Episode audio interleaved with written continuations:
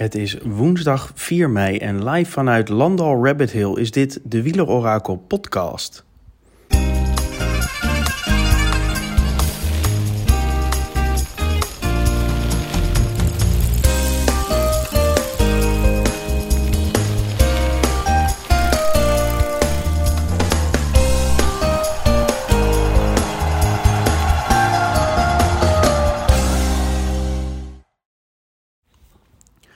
Aan de vooravond van de Giro hebben we nog een bonus podcast voor je in de aanbieding.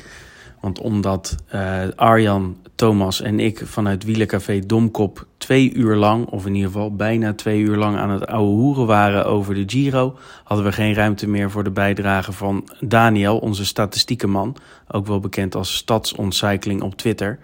En uh, die krijg je nog van ons cadeau. Dus veel luisterplezier en uh, nog heel veel succes met de laatste loodjes voor je wielerpool. Tot later. Goeiedag Tom, Thomas en Arjan. Zo, doe maar weer de Giro preview opnemen zonder mij. Nou, het is jullie gegund en ik zal me in vorm rijden voor de Tour de France van dit jaar. Dus uh, zorg dat jullie dan niet om me heen kunnen in deze, selectie. Um, ik zal uh, wat statistiekjes toelichten voor, uh, voor de Giro. Um, we beginnen met de records. Uh, Giro d'Italia, vijf keer gewonnen door Eddy Merckx, Alfredo Binda en Fausto Coppi. Dus dat zijn de recordwinnaars. En de meeste etappenzegers in de geschiedenis die, heeft Mario Cipollini op zijn naam, 42 stuks. kort gevolgd door, door Alfredo Binda weer met 41. En onder de actieve renners hebben we zeven voormalig winnaars. En drie van die voormalige winnaars die staan ook aan de start van de Giro in 2022. Namelijk Vincenzo Nibali, die twee keer won. Uh, Tom Dumoulin en uh, Richard Carapaz. Uh, de meeste ritzegers in de Giro onder de actieve renners die heeft Mark Cavendish op zijn naam. 15 stuks. gevolgd door Ulissi met 8 en Nibali met 7. Ghana wist al zes keer te winnen. En bijzonder aan die prestatie van Ghana is dat hij zes keer won, maar nog nooit tweede tot tiende werd. Dus uh, als Ghana goed eindigt, dan wint hij ook meteen. En dat heeft met name met zijn tijdritprestaties te maken. Uh, Ghana won de laatste vijf tijdritten die in de Giro gereden zijn. Dus die heeft een goed track record, maar staat dus niet aan de start van deze editie. Dus we zullen weer een nieuwe winnaar in de tijdrit krijgen in de Giro. Cavendish staat ook aan de, op de startlijst van, van de Giro dit jaar. voor het eerst sinds 2013 dat hij weer rijdt. Dus dat is wel, wel bijzonder dat hij zo'n lange break uit de Giro, of ja, break van de Giro heeft gehad. En dan nu weer aan de start staat. Benieuwd of hij uh, zijn 16e ritzegen kan pakken. En om 16 te blijven, 16 renners hebben in de geschiedenis meer etappes gewonnen dan Cavendish. Dr. Pozzo staat voor zijn 16e Giro. Het was nog even de vraag of hij überhaupt nog door kon als profrenner in 2022. Maar via Intermarché heeft hij toch een plekje weten te bemachtigen. En dan mag hij de Giro rijden. Zijn 16e dus. En alleen Panizza en Gavazzi uh, hebben met 18 en 17 deelnames vaker de Giro gereden. Als uh, Vivo de Giro uitrijdt, dan komt hij ook bij de zes renners met de meeste etappes in de Giro. Op dit moment staat Gilberto Simoni daar aan kop met 283 etappes. Uh, andere ervaren rot aan de start is uh, Alejandro Valverde. Die staat voor zijn 31ste grote ronde. Uh, dat is ook bijna een record. Alleen Alessandro Patacchi met 32 en Matteo Tossato met 34 reden meer grote ronden dan, uh, dan Alejandro. Opvallend daarbij is het wel dat het pas zijn tweede deelname aan de Giro is. Dus de andere 29 deelnames die heeft hij in de Tour en de Vuelta op zijn naam staan. Nou, en wie heeft dan die vaakste die mooie Maglia Rosa gedragen? Nou, dat zul je niet verbazen, dat is Eddy Merckx geweest. 77 keer de roze trui ontvangst mogen nemen na een etappe. En onder actieve renners zijn het uh, Vincenzo Nibali met 19 roze truien, uh, Tom Dumoulin met 17 en uh, Joao Almeida met 15 roze truien die het vaakste, vaakste roze trui ontvangen hebben na een etappe. Nou, als we dan kijken naar records, maar dan zonder de winsten, vind ik altijd wel een leuke statistiek om te kijken wie doet het nou heel erg goed, maar ontbreekt nog een zegen in, op het palmares. Kijken we even naar de actieve renners. Uh, klassementen van grote ronde. Wie heeft nou het meeste top 10 gereden zonder een grote ronde te winnen? Um, bovenaan staat Ricoberto Uran, die met 9 keer een top 10 zonder uh, eindoverwinning. En gedeeld tweede plaats is voor uh, Dr. Pozzo weer met 7 keer een top 10 zonder winst. En Steven Kruiswijk, eveneens 7 top 10 plaatsen. Als we dan naar de etappes kijken, welke renners hebben nu de meeste etappes goed gereden zonder een etappe te winnen? Ja, iedereen verwacht nu natuurlijk Wilco Kelderman bovenaan, bovenaan het lijstje. Dat is een beetje de statistiek die ik ook veel deel via Twitter. Maar ehm, er is nog één renner die meer etappes top 10 heeft gereden zonder winst. En dat is uh, José Joaquín Rojas. 54 keer een top 10 plaats in een etappe van een grote ronde zonder een etappe te winnen. Kelderman die volgt met uh, 10 minder op 44. Uh, Kruiswijk heeft de 43 etappes zonder een grote ronde etappe te winnen. Hij was heel dichtbij in die uh, mooie Giro van 2016, waarin die tijdrit, uh, die nou net voorbij gebrommerd werd door uh, een onbekende Rus, maar helaas nog geen etappezege voor, voor Steven Kruiswijk in de Giro, of in een grote ronde. Um, en verder op die lijst staan ook Richie Port met 30 etappe top 10's en Adam Yates met 28 top 10's zonder overwinning hoog in die lijst.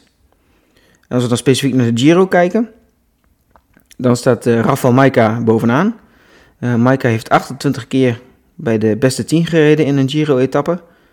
Uh, maar is nog nooit beter geëindigd dan een vierde plek, dus nog nooit op het podium van de etappe gestaan. Hij wordt gevolgd door Steven Kruiswijk en nog een aantal Nederlanders. Almeida staat er nog tussen, maar ook Kelderman met 16 top 10's en Mollema met 15 top 10's in de Giro staan hoog in die lijst.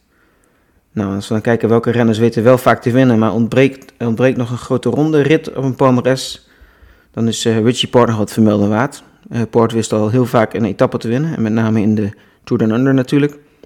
Uh, 16 etappenwinsten in, in World Tour wedstrijden, maar nog geen Giro, maar nog geen grote ronde etappe.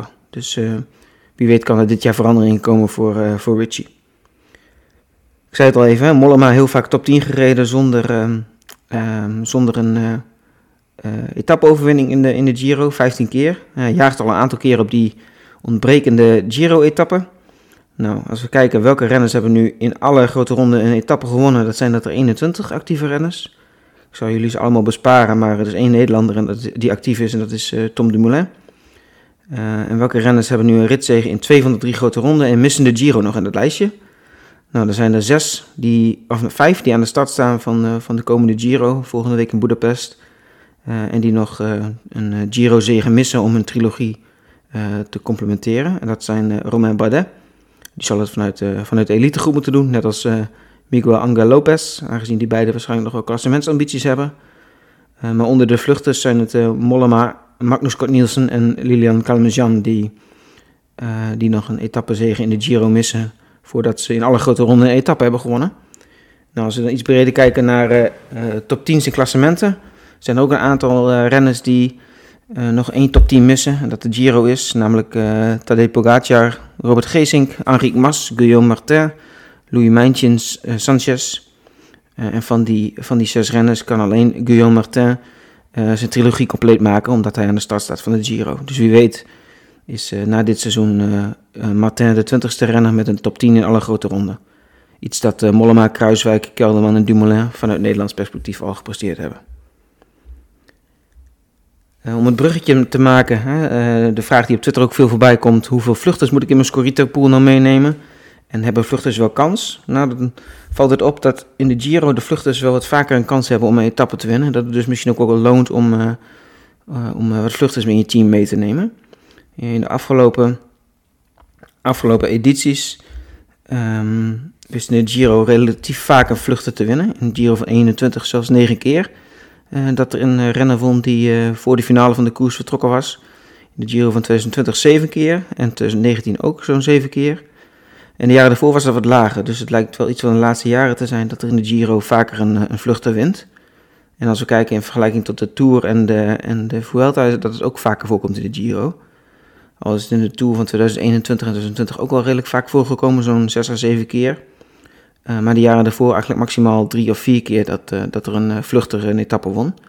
Dus um, nou, als er één grote ronde is waar je wat vluchters mee kunt nemen in je poeltje, dan, dan is het de Giro. Zo lijkt het de laatste jaren in ieder geval.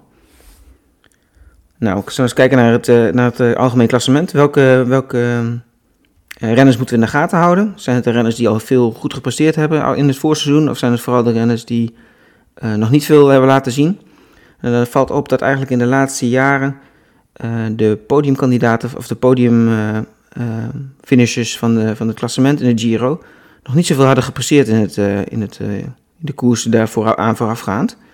bijvoorbeeld Benal, die had nog geen, geen, geen zegen behaald in 2021 voordat hij twee etappes won in de Giro. En dat geldt eigenlijk ook voor alle andere podiumkandidaten van de jaren daarvoor. En de enige uitzondering daarbij is eigenlijk Roglic. Die vond zo'n beetje alles wat los en vast zat in de, in de Giro waar die, waar die derde werd. Maar goed, inderdaad geen eindoverwinning voor hem. Dus uh, misschien moeten we deze Giro voor het klassement ook een beetje gaan letten op de, op de mannen die nog niet zo heel veel plezier uh, gepresteerd hebben. Ja, van het Nederlands perspectief lijkt het dan natuurlijk uh, leuk om naar te kijken naar Kelderman en Dumoulin.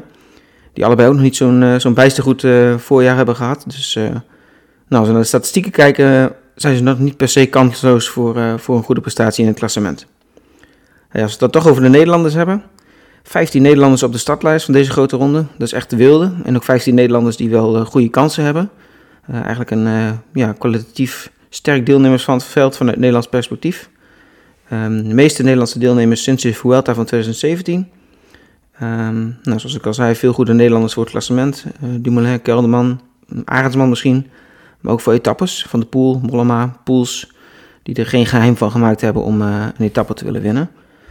En als we kijken naar de uh, de toprenners van, van, eh, van Nederland in de afgelopen jaren ontbreken eigenlijk alleen de, de echte topsprinters in, in de Giro. Maar goed, die bereiden zich voor op de Tour om daar de etappes, etappenzegers aan één te rijgen. Dus nou, beloof veel goeds voor, voor Nederland in, in de Giro en in de Tour de France dit jaar. Nederlandse luxe dus. En als we dan inzoomen op, op die ene Nederlander waar we allemaal stiekem een beetje extra naar uitkijken, Mathieu van der Poel. Dan valt wel op dat hij in etappekoersen op World Tour niveau heeft hij nog niet heel veel van gereden, moet ik bekennen. Zijn er zes geweest. Maar dat hij altijd, als hij een etappekoers op World niveau reed, altijd een etappe won. Zes keer. En in vier van die zes deelnames had hij tevens de leiderstrui, tenminste één dag om zijn schouders. Dus um, nou, dat belooft veel goeds. Binnen Lux Tour heeft hij een leiderstrui gedragen en de eindoverwinning behaald. In de UAE Tour heeft hij de leiderstrui gekregen en de eerste etappe gewonnen. Zwitserland twee etappes, twee leiderstruien. Tour de France, etappe en een aantal leiderstruien alleen in de Tirreno heeft hij nog nooit de leiderstrui gedragen. En ik hoop niet dat dat een voorbode is, want uh, als we kijken naar alle etappekoersen die Mathieu heeft gereden op Italiaanse bodem, heeft hij nog nooit in een van die etappekoersen de leiderstrui gedragen. Dus uh, nou, laat hem daar maar veranderingen brengen voor de Giro. Dus aan jullie om, uh, om daar verder op door te speculeren. Gaat Mathieu die felbegeerde roze trui dragen deze Giro of blijft het bij een etappezege? Of geen van beide? In ieder geval veel plezier nog met voorbeschouwen en tot later heren.